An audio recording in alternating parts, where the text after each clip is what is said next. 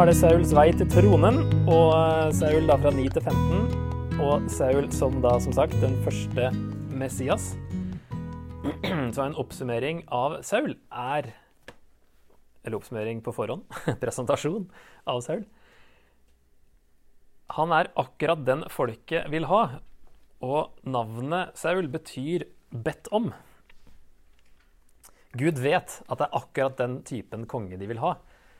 Og det er han liksom Gud velger ut, men han gjør det fordi han vet at dette er den type konge de venter.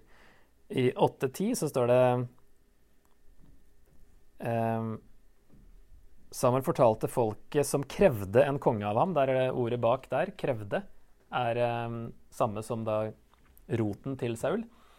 Og i 12.13 så står det også eh, Se, her er kongen som dere har valgt, han som dere ba om. Så det er et ordspill der på at han heter Saul, og at det er Her, vær så god. Han dere ba om. I kapittel 9 nevnes bare utseendet til Saul, og ikke noen ting om karakteren hans. At han var bare staselig ung mann. Ingen i Israel var mer staselig enn han, og han var et hode høyere enn alle andre. Typisk sånn kongemateriale fra en rik eh, familie og staselig og høy. Så ut som en konge, liksom. Det er sånn folket så for seg en konge. Men hvilken stamme er han fra? Han er fra Benjamin. sant? Eh, Benjamin settes i et litt dårlig lys i slutten av dommerne. Det er jo krig mellom Benjamin og resten av Israel.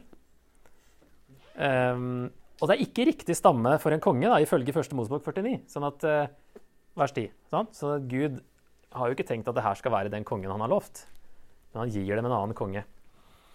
Så jeg tenker meg, eller jeg vil si det sånn, at Gud ga dem Saul som svar, en de ba om, på deres forventninger for å vise at det er andre ting som er viktigere. Så de Ut fra den type, eller kongene på den tida, så var Saul en sånn typisk konge. Høyere enn alle andre. Sånn at um, Saul er jo da ikke det egentlig Gud har tenkt, men det er på en måte for å lære folket hva som er viktig hos en konge. Og uh, han blir salva i kapittel Helt i starten av kapittel uh, 10. Han treffer jo Samuel i kapittel 9. Um, så det er på en måte tre seremonier. Så først, første halvdel av kapittel 10, så er det da Samuel salver Saul. Det skjer i Rama der um, Eller virker, virker som det er fall der Samuel bor, da, i kapittel 9, og det er jo i Rama. Um, og det skjer i hemmelighet. Ikke engang tjeneren til Saul visste om dette her. Uh, han går i forveien. Si til tjenestegutten din han skal gå i forveien, og så uh, blir du stående her en stund, så skal du få høre hva Gud har sagt. Samuel tok en oljekrukke og, oljekrukke og helte oljen over Sauls hode. Så det er bare Saul og Samuel som får med seg det her. Og han unngår òg å fortelle det til onkelen i 1016. Så det er på en måte en sånn åndelig utnevnelse av Gud her som skjer. Så kapittel, siste delen av kapittel 10 så velges den ut ved lodd. Det skjer i Mispa, slik at det har en del samlinger i dette stedet Mispa. Og det skjer sånn at folket skal se at Gud står bak valget. Det er ikke bare noe Saul og Samuel sier, men nå får de se liksom vel denne åndelige loddtrekningen at eh, Saul er utvalgt. Likevel har han ikke full støtte hos folket. Det er noen som uh, murrer litt. Og der kan han se på som en sånn politisk utnevnelse av Gud. da. Først en åndelig, og så en politisk. Og så kapittel 11 og 12 for så vidt. Eh, talen til Samuel i kapittel 12 det er jo i sammenheng med det som skjer i kapittel 11. Da er de i Gilgal. Og da er det for å stadfeste kongsmakten, står det i vers 14. Trolig fordi han nå hadde bredere støtte hos folket. Og det kan man se på som en religiøs stadfestelse av folket denne gangen, da. Så det er tre Det skjer liksom i tre epoker, tre seremonier, før uh, Saul liksom Før det står at uh, han regjerte osv. i kapittel 13. Da han har kommet til tronen, da. Og i kapittel 12 så er det der Samuel, der Samuel liksom slutter som dommer. Eh, han holder en tale til da, i kapittel 12, der han på en måte frikjenner dommersystemet Han representerer dommerne, og han spør liksom har jeg gjort noe gærent mot dere. Nei, det har du ikke. Fint. Da har vi fått sagt det. Dommersystemet har funka. Nå velger dere noe annet. Eh, han sier at lydighet mot Mosloven er fortsatt det viktigste. Det endrer ikke noe sånt. Selv om dere får en konge, så må dere fortsatt holde dere til Gud. Tjen Gud av hele hjertet, så går det bra. Vers 20-25 kan vi oppsummere det som, da. Og at Samuel skal fungere som en profet på en måte etter dette. Han har jo vært profet hele tida, men har òg vært en, en, leder, en dommer, da. Så mange ser på Samuel som den siste dommeren og den første profeten, selv om det er, det er noen gudsmenn og sånt tidligere også. Men uh, i hvert fall så endrer stillingen til Samuel endrer seg her, da. Når de får en konge, så skal ikke han lede dem lenger på samme måte, men han blir en profet. Og han sier, 'Aldri skal jeg gjøre en slik syn mot Herren at jeg holder opp og ber for dere.' 'Jeg skal lære dere den gode og rette vei.' Så han føler fortsatt at det er hans ansvar å gjøre det. Um, og det står vers 22 um, For sitt store navns skyld vil Herren ikke forkaste sitt folk, for han har besluttet å gjøre dere til sitt folk. Så Gud er nådig og forplikta, ikke minst. Han, dette er hans folk. Han skal eh, holde seg til dem fortsatt. Og det er på en måte hans kjærlighet til dem som tillater monarkiet. Han er forplikta og nådig og tilgir. De skjønner at det har gjort en stor synd her. Ehm, det kommer torden på en tid av året da det aldri tordner og regner. De skjønner at Å nei, nå skjønner de virkelig at eh, i vers 19. Be til Herren din Gud at vi, dine tjenere, ikke må dø, for vi la enda en ond gjerning til alle våre synder da vi krevde en konge. Samuel sa da til folket, vær ikke redde, selv om dere har gjort alt dette onde. Vik bare ikke fra Herren, men tjen Herren av hele deres hjerte. Så de skjønner at det er en synd, men Samuel sier, det går greit, bare hold dere til Gud. De må være trofaste mot Gud først, deretter kongen. Og Det er det som da er greia til kongen òg. Kongen må skjønne at Gud er den egentlige kongen. Eh, og kongen må høre på profeten. Det er det Saul ikke gjør. Han skjønner ikke at Gud er kongen. Og um, altså hver gang, eh, Både når Saul og David blir salva, så det, blir de salva til fyrster, står det, eller prinser. Det brukes ikke ordet konge der, og det får fram litt den her at det er egentlig Gud som er kongen. Du blir en prins eller en fyrste. Som eh, du, og, og Gud har gitt deg sin eiendom, sier Samuel til Saul. Det er fortsatt Guds folk, men du skal være konge over dem. Så er det lett når man blir konge, da, advart i 5. Mosebok om at da kan du begynne å få litt høye tanker om deg sjøl. Og uh, karre til deg rikdom og koner og litt forskjellig. Og sette deg sjøl over folket. Og det er det der som er utfordringen. Jeg tenkte bare da, det Siden jeg nevnte dette med at det er litt forskjeller i, mellom bibeloversettelsene, så er det jo en, eh, et eksempel her 13, i 13.1. Der, I denne her så står det Saul var 30 år gammel da han ble konge, og han var konge over Israel i to år. Så det er den, den første her. Um, mens ressurs og Bibelen Guds ord og engelske, det er både ESV og King James, har ett år, stemmer ikke det? Etter ett år, eller hva var det setningen? Uh, så du var konge i ett år? Ja. Kong i to år? Ja, så det er to tall da, som skal inn i setningen her. Så der er det én på første og to på andre. NIV har 30 på første, sånn som 2011, da, og 42 på andre. og den NAS har motsatt. 40 på første og 32 Ja, ikke helt motsatt, da. Nesten. 40 på første og 32 på andre. 40 på første, det er to på andre, og så er det noen som bare har en uh, åpning, fordi det er ikke sikre, og så er det prikk, prikk, prikk to. Mens den greske, altså Septuaginta, eller XX, da, den har ikke det verset her i det hele tatt. så i fotnoten her så står det tallet mangler i den hebraiske teksten, men finnes i noen greske håndskrifter. Og så er det tatt med også at eh, Apostelens gjerninger 1321 regner med 40 år i en tale av Paulus der. Så greia er at hvis vi oversetter det veldig bokstavelig, så sier verset Saul var sønn av år. Og det er sånn man sier det når man da skal si alder, så er det sønn av et antall år. Og her står det bare 'sønn av år'. Betyr det ett år? Eh, eller Det er en rar setning da, å bare si 'sønn av år' uten et tall. da han ble konge, og to år var han konge over Israel. Så det er ikke noe som mangler, på en måte. Så de som, de som liksom tror at kanskje det skulle vært noe før to, ut fra at Paulus sier 40 år, ikke sant? Så det, det, er, eh, det er, litt sånn eh, Det er ikke noe krise, det er bare her er det litt sånn rart. Sønn av år. Problemet, eller det man må tenke på, er om eh, starter regjeringstida i kapittel 10 eller i kapittel 13. Det er jo to måter å se det på. Da han blir salva, eller, da, eller når vi kommer hit. ikke sant? Da har det gått noen år, eller i hvert fall litt tid, fra kapittel 10 til 13. Og så er det to som det står i fotnotene her, to greske manuskripter har 30. Så da har de da valgt å følge de, noen, altså både norske her 2011 og NIV følger da de to greske manuskriptene som har 30.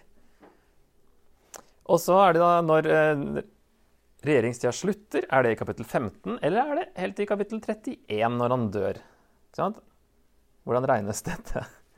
Og Apostelens gjerninger sier da at Gud ga dem Saul i 40 år. Er det Paulus som sier. Hvordan skal vi tolke det inni dette her? Og så er det Josefus, han historieskriveren, som har både 20 og 40 i to forskjellige steder. Um, så det er jo litt sånn Det som gjør det her litt vanskelig, da. At det er vanskelig uh, vers i utgangspunktet. Så det er ikke noe man skal henge seg opp i. Jeg bare tenkte bare å, å vise litt. Um, og så er det et forslag til um, en løsning fra en veldig bra bok som ikke er uh, lettlest, men uh, den er veldig bra. Denne her, uh, A Biblical History of Israel. De foreslår da at Saul var ett år gammel fra salvingen, dvs. Si det har gått ett år. Ikke at han var bare ett år, men det er ett år siden salvingen i kapittel 10 til bekreftelsen som konge i kapittel 11. Og deretter gikk det to år fra kapittel 11 til slutten av hans lovlige regjeringstid i kapittel 15. Da Gud sier at 'nå forkastes du'. Selv om han klamret seg til tronen i mange år etter det. Apostelens gjerninger 1321 refererer til hans faktisk, faktiske regjeringstid fram til 1. Samuel 31. At det er 40 år, kanskje helt fram dit da. Um, så regner de litt på forskjellige ting som nevnes, og hvor gammel Jonathan er. og sånne ting, At uh, Saul var minst 40 da han begynte å regjere. Fordi Jonathan var en kriger allerede, så han var minst 20. Og David var ca. 10. 10 år når Saul ble konge. David ble konge da han var 30, står det. Da Saul døde, noe som gir oss 20 år. Det er igjen 20 år da, til Sauls regjeringstid. Altså noen vers som bare backer opp det. Men det er litt sånn, eh, akkurat det her hvor lenge Saul regjerte, er eh, litt sånn forskjellig. Så det ser man forskjellige teorier på når det var. De fleste slutter rundt 1010, da. Året 10, altså 1010 før Kristus. Men om det begynte i 1042 eller 1051 eller 1030 Og om David da ja, David, er, David, og Salomo er det mer enhet om, som dere ser. Der går det liksom bare ett år forskjell, men Saul er en litt sånn åpen case som vi ikke vet helt. Yes, Men i dag så skal vi se på Saul, da. Det er jo kapittel 13, og 14 og 15 han liksom er eh, regjerer som, som, konge sånn fra Guds perspektiv. Men eh, det går jo galt ganske fort. Um, allerede i kapittel 13. Og når går det galt for Saul? Altså, hva er det som gjør at det går galt? I 13.13 13 så sier Samuel til Saul du har handlet uforstandig, du har ikke holdt det budet som Herren din Gud ga deg. Hadde du gjort det, ville Herren ha stadfestet ditt kongedømme over Israel for alle tider. Men hvilket bud er dette som han ikke har holdt? Og det er en sånn uh, interessant, uh, litt sånn uh, detaljert greie som vi prøver å Eller kan, det kan jo sies veldig kjapt, men jeg har lyst til å bare vise dere hvordan det kan henge sammen. Da. For jeg syns det er veldig interessant, det her. For det som etter at um, Vi går tilbake til kapittel 10. Ja, um, det han sier, ikke sant, Samuel gir en ganske detaljert beskrivelse i kapittel 10 hva som kommer til å skje, sånn at Saul skal vite at Gud er med han. Først så skal han møte to menn med ja, Nå hoppa over den. Gjorde du ikke? Gikk plutselig en for langt. Her, her, ja. Etter han har salva den, eh, salva Saul eh, Samuel tok en oljekrukke og helte oljen over Sauls hode. Han kysset ham og sa, 'Nå har Herren salvet deg til fyrste over sin eiendom.' Når du går fra meg i dag, skal du møte to menn ved Rakels grav i Selsa i Benjaminlandet. De skal si til deg, Eselhoppene som du dro ut for å lete etter, er kommet til rette. Din far tenker ikke lenger på dem, men han er redd for dere og sier, Hva skal jeg gjøre for sønnen min? Når du går videre derfra og kommer til Taboreika, skal du møte tre menn som er på vei opp til Betel for å tilbe Gud. Den ene av dem bærer tre kje, den andre tre runde brød, og den tredje en skinnsekk med vin. De hilser på deg og gir deg to brød som du skal ta imot. Så kommer du til Guds Gibea, der filisterne har vaktpostene sine. Når du kommer til byen, treffer du på en flokk profeter som kommer ned fra offerhaugen. Foran dem går det noen som står på tromme og spiller på harpe, fløyte og lyre, og selv er de grepet av profetisk henrykkelse. Da kommer Herrens ånd over deg, så du kommer i profetisk henrykkelse sammen med dem og blir et annet menneske. Når du ser disse tegnene, så gjør det du makter, for Gud er med deg. Gå foran meg ned til Gilgal. Der vil jeg komme til deg og ofre brennoffer og fredsoffer. Sju dager må du vente før jeg kommer og sier deg hva du skal gjøre. Ok, Så hvis vi tar ut det som er uthevet her, da, som er liksom de punktene som Cyril kommer til å møte på Han skal møte to menn ved Rakels grav. Og det står i vers 9 at det, dette um, Samme dag inntraff alle disse tegnene, står det. Så det står i hvert fall sånn generelt så skjedde det samme dag. Så det står ikke at uh, alt det her gjentas ikke videre, da, men uh, uh, vi antar at han For det står bare at han møtte en flokk profeter. Står i vers 10. Og så, Det er der også hinter det om de herre Der filisterne har vaktpostene sine. Av en eller annen grunn så nevnes det der. Sant? Så når du kommer til byen, så blir han grepet av profetisk henrykkelse. Så da har han tydeligvis møtt på de profetene her. Og så er det profetisk henrykkelse fra 10, 10, 11 og 12. Og så, når du ser disse tegnene, når han liksom kommer i profetisk henrykkelse og opplever dette her, og alt det her har skjedd Bam, bam, bam. Alle de detaljerte tingene her. Når Saul ser at det har skjedd, og jeg kommer i profetisk henrykkelse, da gjør det du makter, for Gud er med deg. Og det ser ut til å bety angrip filisterne. Og da er vi tilbake i kapittel 13. Gjør det du makter. Kjør på. Liksom, Gud er med. Nå har du et tegn på at uh, Gud er med, og du kommer til å vinne krigen. Og så vil det starte en krig ikke så rart, hvis han angriper dem. Og da skal han dra ned til Gilgal og vente på Samuel der. Og det er også i kapittel 13, da.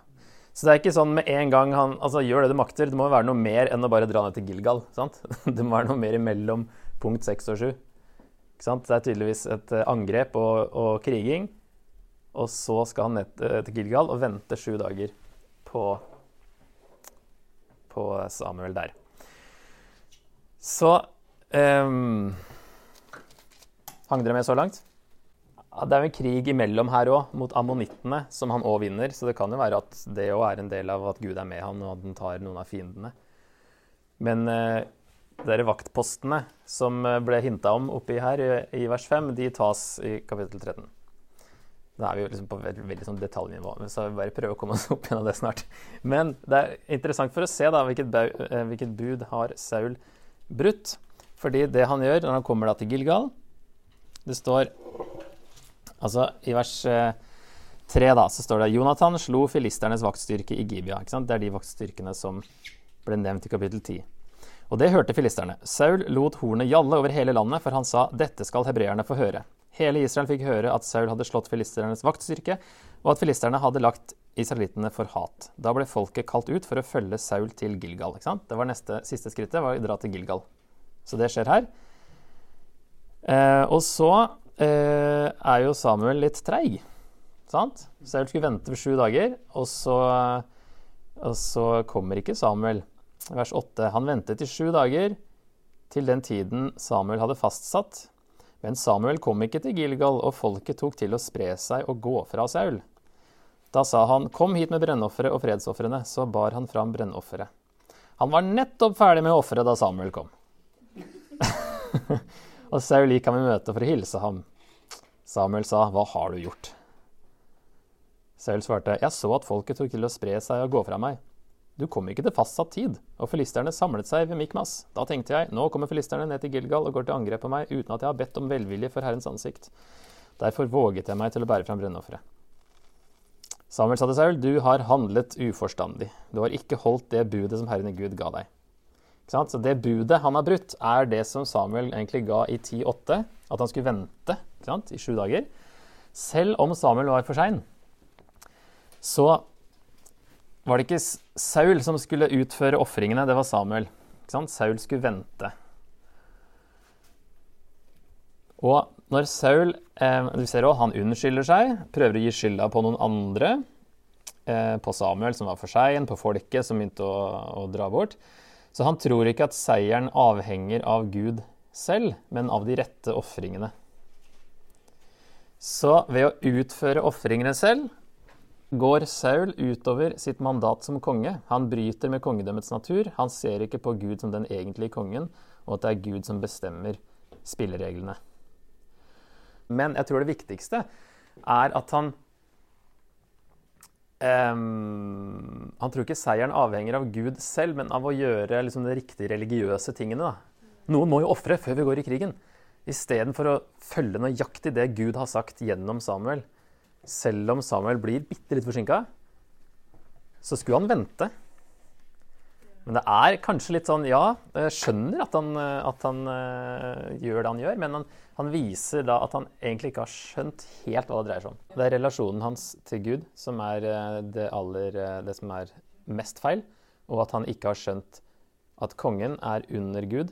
Kongen skal høre på profeten fordi Gud taler gjennom profeten. Så egentlig står profeten over kongen. Og det har ikke Saul skjønt.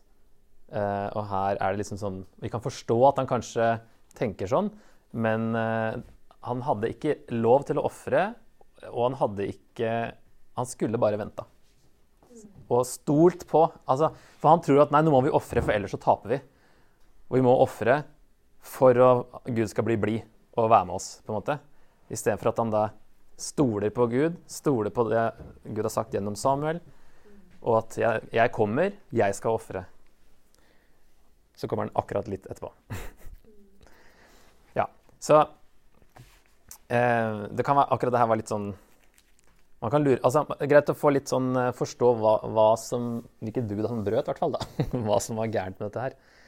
Eh, når han fikk den detaljerte forklaringen. Selv om det er noen kapitler før. Ok, Vi trenger ikke å dvele mer med dette her.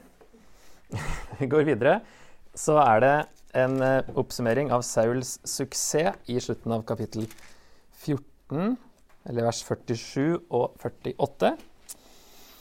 Da Saul hadde sikret seg kongsmakten over Israel, førte han krig mot alle fiendene sine rundt omkring, mot moabittene, ammonittene og edomittene, mot kongene i Soba og mot filisterne. Og hvor han så vendte seg, vant han seier. Saul gjorde storverk, han slo amalekittene og berget Israel fra dem som plyndret dem.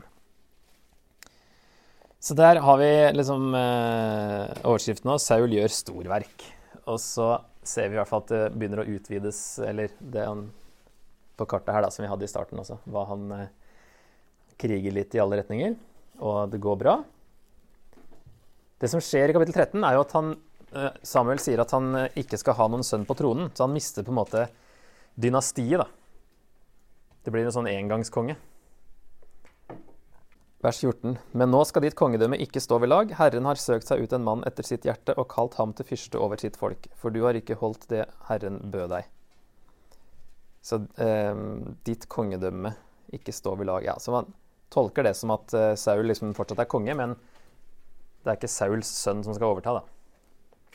Det er en annen konge som Gud har sett seg ut. Hvor er det igjen det står at uh, Gud som forlot Saul? Eh, etter, etter, etter klokka. Etter kapittel 15.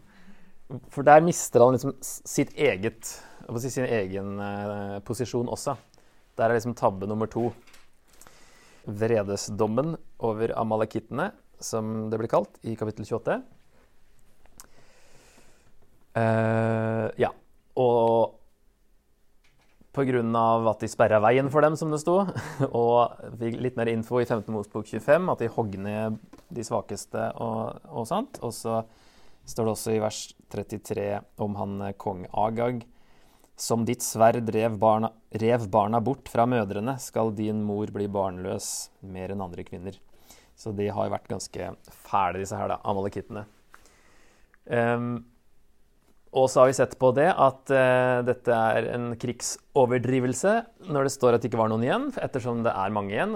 Og spesielt i kapittel 30 så er det jo de som uh, eh, tar jo med Davids eh, koner og forskjellig og raider en hel denne Siklag-byen. Så de er på ingen måte borte etter kapittel 15, selv om det høres sånn ut. sant? Så det har vi sett på. Men problemet her er jo at Saul ikke adlød Gud. Eh, Det står i vers 9.: Men Saul og hans menn sparte Agag og det beste av småfe og storfe, gjøfe og lammene. De sparte alt som var noe verdt, og ville ikke slå det med bann. Men alt som var verdiløst og dårlig, bannlyste de.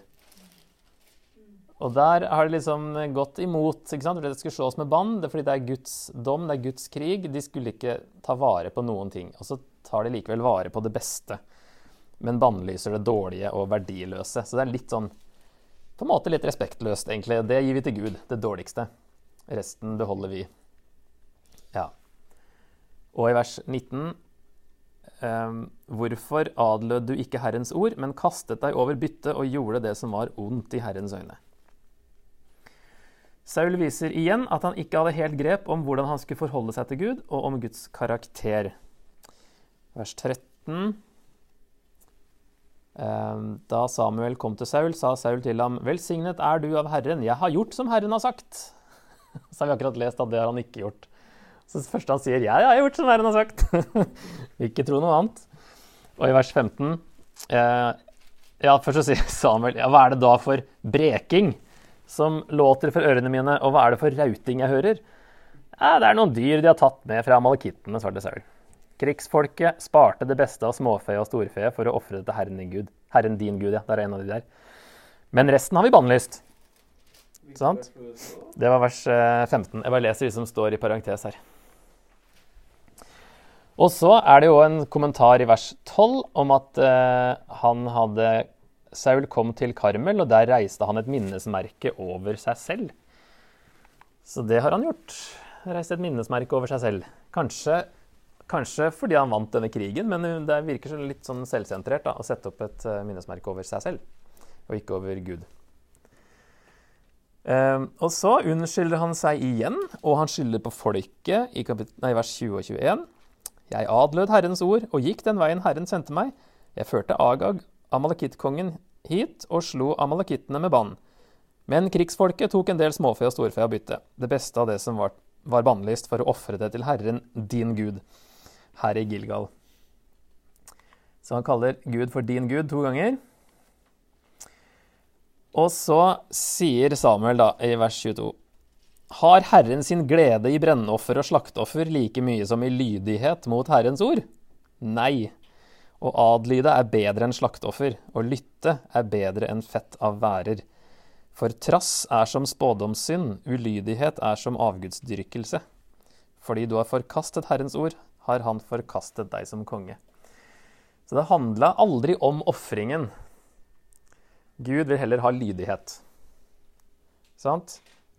Um, I vers 11 sier Gud, 'Jeg angrer at jeg gjorde Saul til konge, for han har vendt seg bort fra meg og ikke gjort som jeg har sagt'. Så det var, det var ikke liksom det å gjøre de religiøse tingene, det handler om å være lydig. Og det viser Saul igjen at han ikke er, da. Han har ikke helt skjønt det her. Saul har forkasta Guds ord fordi han ikke tok det 100% seriøst. Derfor har Gud forkasta Saul som konge. Og vers 24 og 30 så innrømmer Saul òg at han frykta folket mer enn Gud, og han egner seg derfor ikke som konge.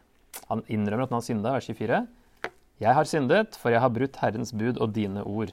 Jeg var redd folket og ga etter for dem.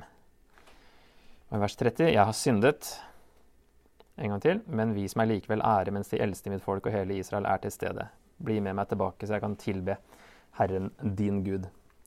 Så han mistet dynastiet, da, som han kaller det, i kapittel 13, og nå blir tronen tatt fra ham selv. At han blir forkasta. Og her opphører han på en måte å være den legitime kongen i Guds øyne. Altså når Samuel salver David, så kommer Herrens ånd over David, og i neste vers Herrens ånd forlot Saul. Så der, er, det- der byttes det over. Er det noen som lurte på om Gud kan angre eller ikke da, når dere leste det her? Her brukes det ordet tre ganger, samme ordet. Vers 11, vers 29 og vers 35. Vers 11 så sier Gud 'Jeg angrer at du gjorde Saul til konge'. I vers 29 så står det «Eh, Han som er Israels ære, lyver ikke og angrer ikke. For han er ikke et menneske, en som angrer. Så har det akkurat stått at han angra. og i vers 35 ehm, For Herren angret at han hadde gjort Saul til konge over Israel. Samme ordet, naham, på hebraisk, alle tre gangene. Så eh, dette ordet kan jo beskrive to ting. Det kan beskrive en emosjonell reaksjon av sorg eller medlidenhet, som i Dommerne 2,18. Der oversettes det med medlidenhet, i hvert fall i denne her. Og det kan eh, brukes om å forandre mening, som det ble i 4. Mosebok 23,19. Så her i det kapittelet her så brukes det tydeligvis på begge måter. I første og siste forekomsten, altså vers 11 og 35, så var Gud lei seg for at han hadde gjort Saul til konge. Og i vers 29 så er det Saul som prøver å få gjort om dommen og ikke bli forkasta som konge, men Gud ombestemmer seg ikke etter at han har tatt en avgjørelse. Derfor er det ikke noe vits å prøve å holde igjen Samuel og, og mase på han om at Gud skal ombestemme seg. Hadde Gud vært som et menneske, så kanskje, Gud, eh, kanskje Saul ville ha kunnet overtalt ham til å få en sjanse til. Men Gud har bestemt seg. Det nytter ikke å liksom, få Gud til å ombestemme seg når han har bestemt seg. Så det ordet her har nyanser i seg, da. Derfor eh, kan vi bli litt forvirra når vi leser det i samme kapittel. Men eh, Så, kan, så i, om, eh, med flommen så er det at Gud òg føler et eller annet. Han var lei seg for det var så mye ondskap. Når det står at så angret Gud det onde han hadde tenkt, så er det ikke det at han fant ut at ja, det var kanskje dumt, det der. Eh, jeg innser at eh, jeg burde ha tenkt annerledes. Altså, Sånn tenker ikke Gud. Men når Bibelen sier at han angra det onde, så er det fordi han, basert på hvordan menneskene responderer på trusselen om dom Så hvis de angrer seg, hvis de angrer seg, omvender seg, så angrer Gud det onde. OK, flott. Da skal jeg ikke utslette dere likevel. Da tenker vi Da går vi her. Da får du velsignelse. Ikke sant? Så det, det er veldig nyttig å få på plass det, at når det står om at Gud angrer i Bibelen, i profetene spesielt, så handler det om at han Ikke at han eh, ombestemmer seg, men han, men han endrer plan basert på hvordan folk responderer. Og det er jo det han vil. Han vil jo ikke eh, dømme folk. Han advarer dem. Hvis ikke dere omvender dere, så blir dere dømt. Hvis de omvender seg, da blir dere ikke dømt. Da går vi denne veien. Og det er jo det Jonah blir sint for. Han vil jo ikke dra til Ninive, for han vet at Gud kommer til å la være å dømme dem hvis de omvender seg. Han vil jo de skal bli dømt, for det er jo erkefienden. Og så når, Gud, når de omvender seg, så står det da angret Herren det onde han hadde tenkt. Og så ble Jonas sint, for det jeg visste! Du kom til å endre plan fordi de omvendte seg. ikke sant? Så det er ikke det at Gud bare 'Å ja, filler'n, de omvendte seg jo.' 'Å nei, jeg hadde tenkt å utsette dem.' 'Å nei, det angrer.' Det er jo ikke sånn, ikke sant? Det er bare 'Å, flott! Da gjør vi noe annet.' ikke sant? Ja. Men eh, to minutter til eh, avslutning av Saul. Don't be a soul. Noen punkter som jeg sitter igjen med, da. Som vi kan eh, ta som tidløse sannheter ut fra det her, kanskje. Og gå litt videre på det. Lydighet. Det er mye snakk om lydighet her. Å være lydig mot Gud. Lydighet er vårt ansvar. Resultatet er Guds ansvar. Det handler ikke om ferdighetene dine, men om du er lydig. Hvis visjonen kom fra Gud, så ikke glem Gud. Altså, du løfter det ut av Samuelsbøkene, ikke sant? hvis vi har fått en eller annen tanke eller en visjon. Så ikke glem Gud, og ikke gjør selv det Gud skal gjøre. Ikke tro at alt er opp til deg. Og ikke minst, sånn som Saul gjør, da. Ikke hold fast på det som egentlig ikke er ditt.